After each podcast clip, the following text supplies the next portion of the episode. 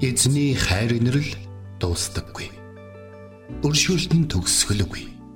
Өглөө бүр энэ нь цоо шин. Таны ихтгэлд байдал юутай аавгаавэ. Хермоны шүүдэр өглөөний хөтөлбөр эхэлж байна.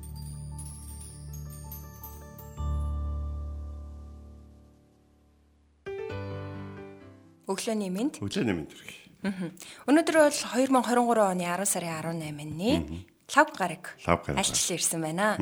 Итгэл радиогийн эфирээс хермоны шүдэр өглөөний хөтөлбөр инхүү эхэлж байна. Эфирт пастор Сайна болон хөтлөгч Билгэнаар хамт байх болно. За өнөөдрийн бидний бидний хувьд бол хүний амьдрал гэдэг бүрийн зүйл бол маш тохиолдож байдаг те. Гэхдээ заримдаа бол бас бидний бас гинтийн бидний хүсээгүй зүйлүүд бас байдаг байгаа. Тэгээд манай радиогийнхны нэг нь одоо бурхан эцгийн өвөрлөө явсан тийм мэдээ тэгэл өнөглөө л эхэлж байгаа. Гэхдээ бид эргэн уулзах итгэл найдварын тухай ярьдаг хүмүүс шүү дээ. Тиймээс бол та бүхэн бас өглөө болгон бас бидэнтэй Германы шүдэрээр хамт байх үедээ суралцдаг нэг зүйл бол юу гэхээр бидний бурхан бол үхсдийн бурхан биш амьдийн бурхан учраас бидний итгэл болон бидний эргэж уулзах найдвар бол амьд юм а гэж. За ингээд надад нэг ийм а, зүйл бодогдоо та. Саяста бэлгээ хоёр 8:30-аас ахиж гэл үзлээ шүү дээ. Үзэж үзэж байгаа л ямар ч гэсэн тэгэл бүх зүйл ингээл нэгдээл үе таалга нэгдээл тэ асуудал шийдэгдээл ингээл таавхантайгаа мэдчилж байгаа даа маш их баяртай байна. Биднэрт хэзээ нэг зөвхт өөрийнхөө чаддаг зүйлүүдийг чаддаг зүйлүүдээсээ болоод хийх хийсэн зүйлүүд хийж чадаагүй зүйлүүдэд тайлагнах өдөр бол ирэх л ах л та тэ. Тэгж бол боддог шүү дээ. Чамд тэгж боддог чинь. Одоо тийхэл ах та. Бидний зөвөр өдөр хоног хорон мөч бүхэн дэ яаж утга учир өгөх вэ гэдэг л айгуу чухал юм шиг санагдлаа. Тий, наад ч гэсэн яг үнэ байхгүй. Ямар богинохон юм бэ те? Өмнөх өдрүүд дээр бид нэр те бүх зүйл цаг хугацаатай гэж ярьжсэн те.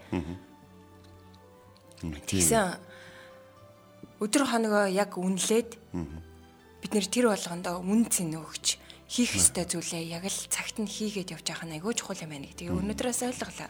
Тэгээд э, бас Joyce Meyer-ийн нэг постыг би уншиж ирсэн байхгүй. Тэгээд тэрэн дээр болохоор тэгсэн мэт. Бурханд таны чадвар хэрэггүй. Таны завал хэрэгтэй Аа. гэдэг үг байсан.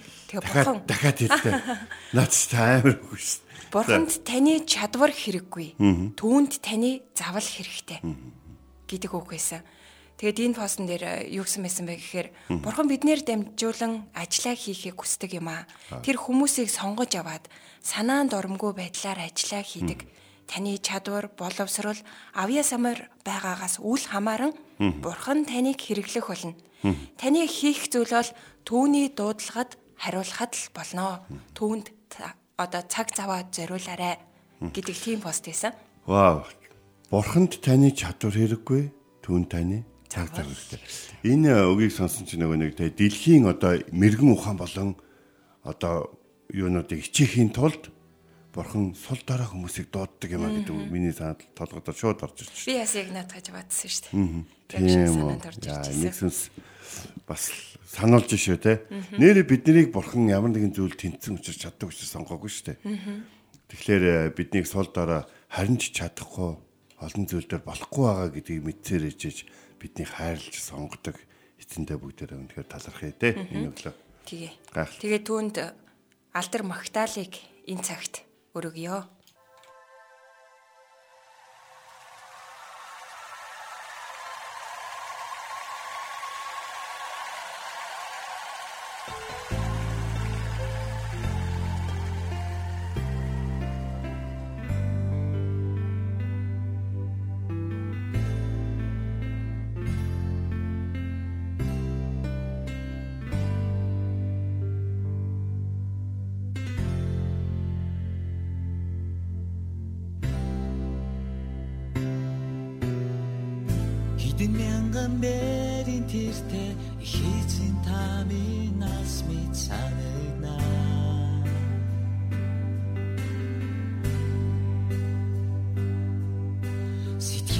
хидий алдрагч тантайгаа ярихд надад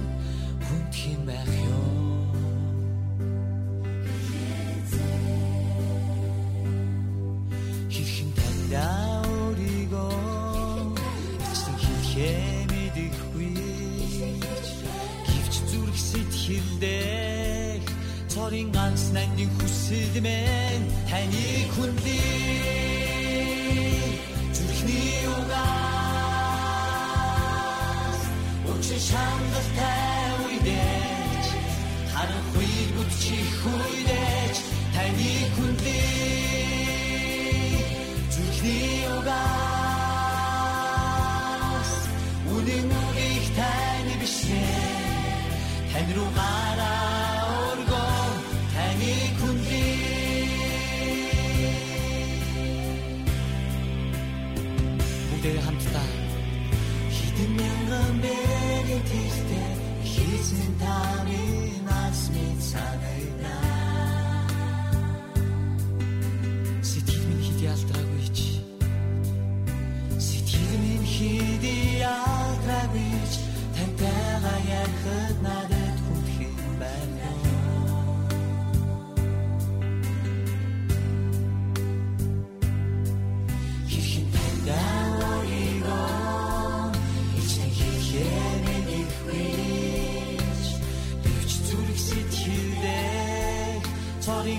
难以分辨，太难控制，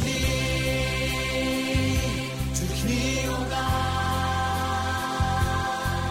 不去想昨天。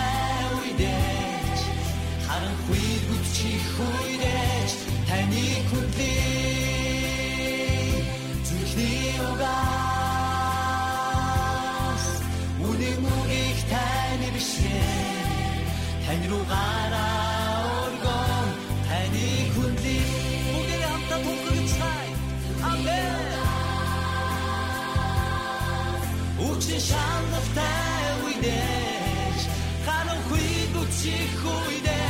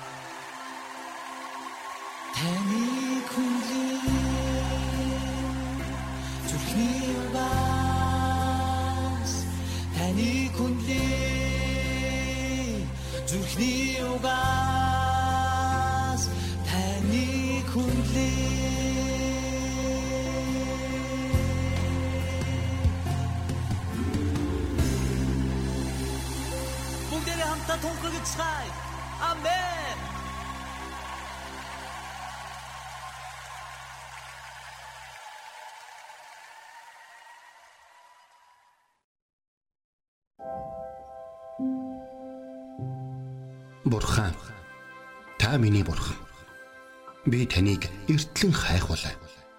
Усгүй хоорой ангамл газарт сэтгэл минь танаар сангаж би махбат минь таныг хүсн тимүүлж байна. Дуулал 63-ийн 1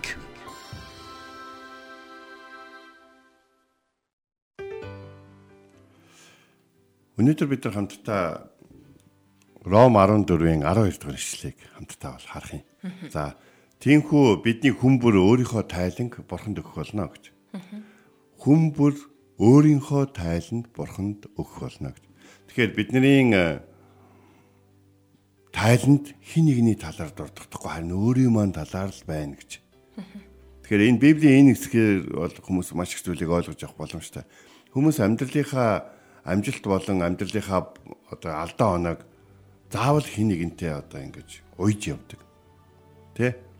Тэр хүнээс болоод би сайн байгаа ингэж хэлэхдээ тэр хүнийг тэр хүн мэдээж яхаа амьдралтанд туссан байж болно те.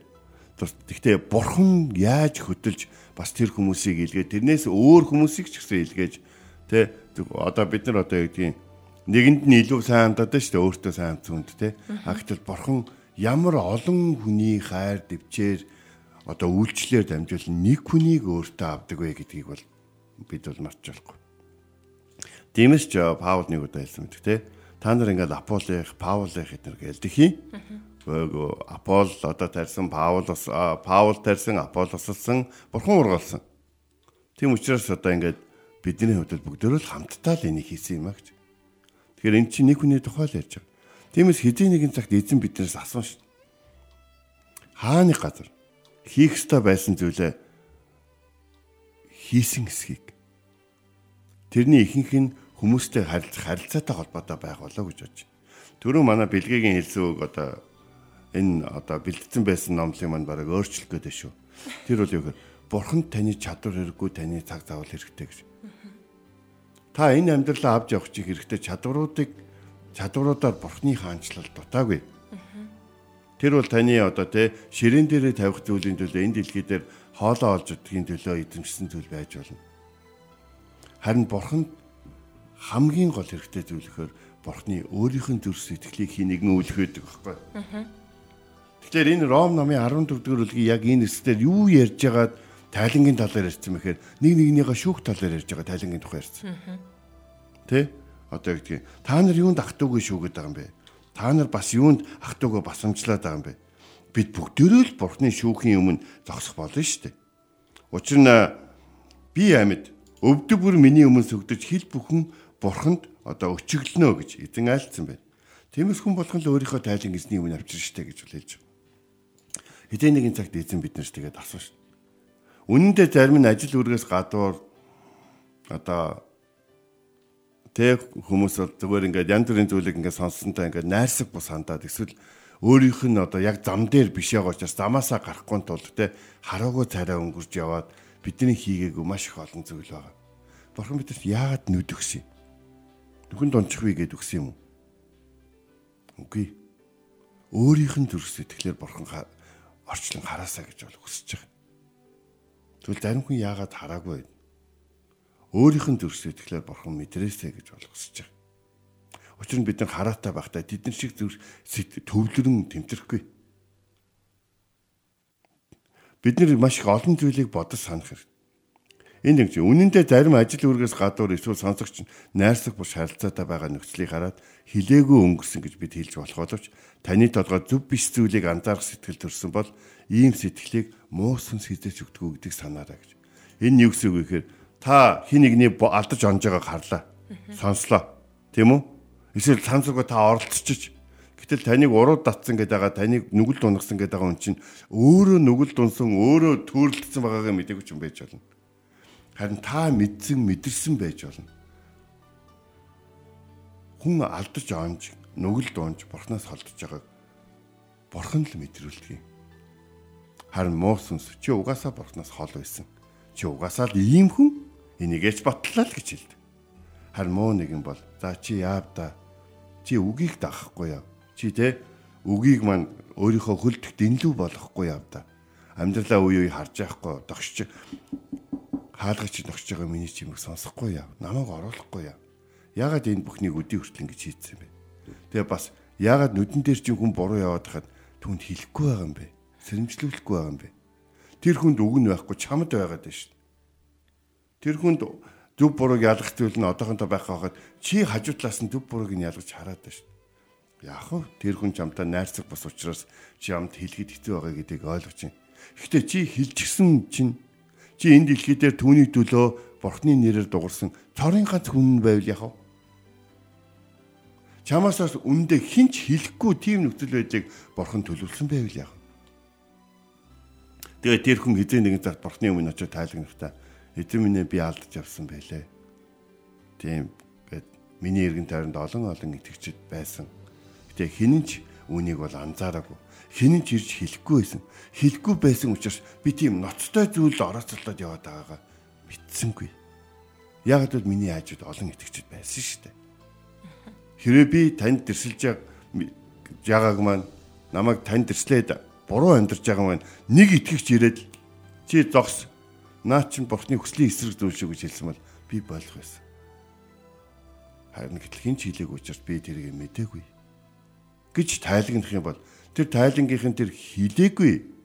Тэр те миний хажууд итгэгч хүн байсан гэж хэлээд байгаа үнэн хэрвээ та байх юм бол эзэн таныг тайлгнаж явах үед танаас асууна. За сайн тайлан байна. Тэ? Чи өөрийгөө нүглээс хамгаалсан юм байна те. Чи өөртөө амарх сайн хамгаалсан юм. Гэхдээ би чамаар хийлэхийг хүссэн нэг зүйл байсан. Хүн зөвхөн хайртай хүмүүсээ хайрлаж явах амархан байдаг шин. Харин өөртөө тийм сайн биш хүнд Бурхны үнэн зөвийг хайрын ятгалыг өгөх хэцүү байдаг юм. Би чамайг хүмүүс өөрийнхөө өөртөө хамаарах хүмүүсийг одоо хайрлж тэднэрт хэлж тэднийг авч явж байгааг тэдний төлөө залбирж байгааг харахтаа чиний тэр зүр сэтгэл чиний тэр хайранд өөрийнхөө төөрөөд явж байгаа нэг хүүхдийг багтаа гэсэн чинь чи тэр ажлыг хийхээс татгалцсан. Өндөө бол тэр над руу эргээд чамтай хамт итгэлийн амьдралаар мөр зэрэгцэн хаанчлалын төлөө явах боломж нь чиний түүнийг дэмлэх дэмлэл байсан. Гэтэ чи хийсэнгүй. Чи яагаад түүнийг те өөрчлөгдөн гэдэгт итгэж чадаагүй юм бэ? Энэ зүйл бол хэдийн нэгэн цагт бид нар тайлагнахад болох зүйл байна. Гэхдээ эзний хайр бол тоо томшгүй гин нүглийг халахалдаг юм а гэдгийг бид нар бол маш сайн санд хэрэгтэй. Бид нар ингээд хүнийг нэг алдаа юм гутнэстэй шууд зарлан дуудаал те шууд лайв хийгээл энэ ингээд тэр тэгээд энэ өстой энд нөгөө нэг кинонд гарах. Энэ ариу явдлаа гэдэг шиг итгэвч хүн ингэдэм юм уу гэж нэг нэгнийгээ дайрч та. За энэ шиг амархан юм байхгүй. Энийг итгэсэн итгээгүй байсан ч хүн хийдэг юм. Тэгвэл итгэсний ялгаа нь юу вэ? Чатанд нь адилхан итгэвч хүний хувьд хэлгээд би энийг одоо чиний одоо илэрхийлж байгаа зүйл чиний пост чиний лайвын доор бичиж гэж бодсонгүй. Чиний хүндсэн сэдв чинь зөв байгаа боловч Бурхныг мэддэг Библийг уншсан хүн яг ийм үнцгээс бол ярихгүй баха. Чи дараа явахдаа энэ тал дээр жоохон бодоорой. Эзэн чамаа харж хандах болтгой. Чиний төлөө залбирна. Чам чиний дуурах зоригийг муу сүнс битгий ашиглаасаа гэдэг ч юм. Бид нэр ийм ятгалгийн өгсөй гэдэг. Энийг бол муу сүнс бид нэр хийгэрэй гэж ятгахгүй. Харин эзэн л өөрийнхөө хүмүүсийг алдгаасаа өмнө биднийг ашиглахыг хүсэхтэй бидэнд сануулдаг зүйл. Энгийн зэрэгээс эзэн хаан хүртэл эзэн дээр хизээ нэгэн цагт өөрийгөө таалагна шүү дээ. Би ч юм бүхлөдөө арт түмний хариуцсан. Чи тэгэл миний арт түмнийг яаж авч явсан? Эртний Соломон хааны анхны залбирал ямар байсныг бид бол ярилцж ирсэн те. Хаан болонготой Чи надаас юу хүсэж байна гэж. Айр юм уу? Ирэх мэдл юм уу? Холбоотой юм уу? Чи юу хүсэж байна гэсэн. Та надад мэрэгэн хоо гэж. Таны энэ шорон төмөн ард түмнийг авч явах гэж. Тэгэхээр шорон төмөн ард түмнийг бурхны мэрэгэн ухнаар авч явсныхаа дараа та чи миний ард түмнийг юу руу хөдөлчихвөө гэдэг асуулт тайланг Соломон тавьсан байхаа гэж би бол бодож байгаа. Тэгэхээр тиймээс хуучин гэрээний эзэн чамайг дуудаж байна. Чи тэр хүчтэй баримтуудаа аваад хүрээд ир гэсэн нэг тийм дуудлагын нэг юм ишвдүүлэг байдаг. Чи та өөртөө байгаа хамгийн хүчтэй баримтуудаа аваад ир өөрийгөө өмгөөлөхтэй. Би яагаад энийг хийгээгүй юм бэ? Ингэсэн. Гэтэл үнэндээ бүгдээрээ эзэн Есүсийг санаа л да. Есүст хэний ч гэрчлэл хэрэггүй байлаа. Учир нь Есүс бүх хүнийг мэддэг байсан. Тэдний дотор юу? Тэгсэн ч Есүс тэдний төлөө явж, тэднийг өмгөөлж, тэдэнд номлож, тэднийг хайрлаж, тэдэнтэй хамт хооллож, тэднийг идгээж, тэдний хооронд нь уулзаж, эвлэрүүлж байсан. Есүс тэгж явхдаа тэдний хүсснийг биш, харин Бурхан эцэг нь түүнээс юу хүснэг бүгднийг хийж явсан. Зарим хүнтэй Есүс уулзахыг хүсээгүй баха. Гэхдээ Бурхан тэр хүн рүү Есүсийг явуулсан байхгүй. Тиймээс бид маш олон шийдэх ёстой хэлэхгүй өнгөрдөг хэцүү олон үйлсийн донд амьдарч байгаа. Энийг тань бол ойлгож байна. Өнөөдөр бол Германы шүдэг сонсож байгаа хүн болгон яг ийм байгаа. Маш олон шийдэх ёстой. Хилмээр байгаа ч хилж болохгүй хилгэд хэцүү нөхцөл байдлын тун. Гэхдээ дэлхий дээр бид амьдарч байгаа цагт Бурхны ажлыг дуудагдсан цөөхөн хүмүүсийн нэг гэдгээ санаж бас таны хайртай таны нүдэнд харж байгаа хүнд хэлэх боломжтой цөөхөн хүн гэдгийг санаж магадгүй цорын ганц хүн байж магадгүй гэдгээ санаж эзэн Есүсийн зүрх сэтгэлийг өвөрлөн хилээрээ бас хайрын болон харамслын харцаар ядаж тэр хүнийг хараарай бас залбиралдаа багтаагаарай. эзэн таныг хэдэн нэгэн цагт өөрийнхөө тайлан авчир гэж хэлгээд чиний тайлан надад хэрэггүй. Би чиний бүх үйлсийг харсан. Чамд баярлаа гэж хэлэх бол. Чи намайг иргэсэн. Чи намайг уучлсан. Хоололсон. Чи намайг ундалсан. Чиний тайлан бол ойлгомжтой байгаа. Би чамайг мэдж байгаа гэж хэлэх бол. Харин тайлан дээрээ өөрийгөө асуудалтай гэж бодож байгаа хүмүүс л өмгөөллийн баахан баримттай л аж байгаа л та. Харин бидний өмгөөлөгч Есүс юм чинь хэрэв бид Есүсийн үгэнд орж ирсэн бол яагаад биднэрт өөр өмгөөллийн баримт хэрэгтэй гэж эзэн таныг энэ өглөө харж хандах болтугай. Амен. Тэгээд эзний өмнө бид нэр шүүхтэх цаг ирэх болно. Тэг. Тэр өмнө тэгэхэд бид бүх зүйлсээ тайлагнах болно. Бусдын төлөө юу хийсэн те энэ амьдралдаа юу хийсэн талаараа бид нэр бүгдийг тайлагнах болно. Тэгэхээр хийх ёстой зүйлээ, анзаарсан зүйлээ зөв зүйл дээр дуугүй өнгөрөхгүй байхын төлөө Амен. бас өнөөдөр тунгаан бодоод ирэх зүйлээ те. Тэгэхээр хийх ёстой эзний сануулж байгаа тэр зүйлийг яг одоо таас санаарай хин нэг нэг танд санууллаад бодоод бодуулж байгаа бол тий. Та бас санаарай тэгээд нэгэн магтаалын дуугийн цагт хүлээ авч сонсё.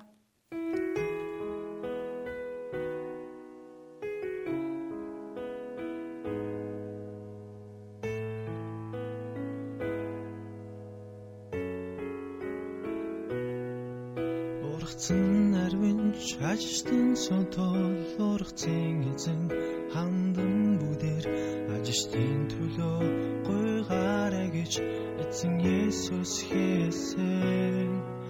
Эзэн бурхан минь намайг талаад найстай минь хамт илгээж өгөөчтэй. Алсын зам биднийг дагуулж алдрынхаа төлөө хэрэглэж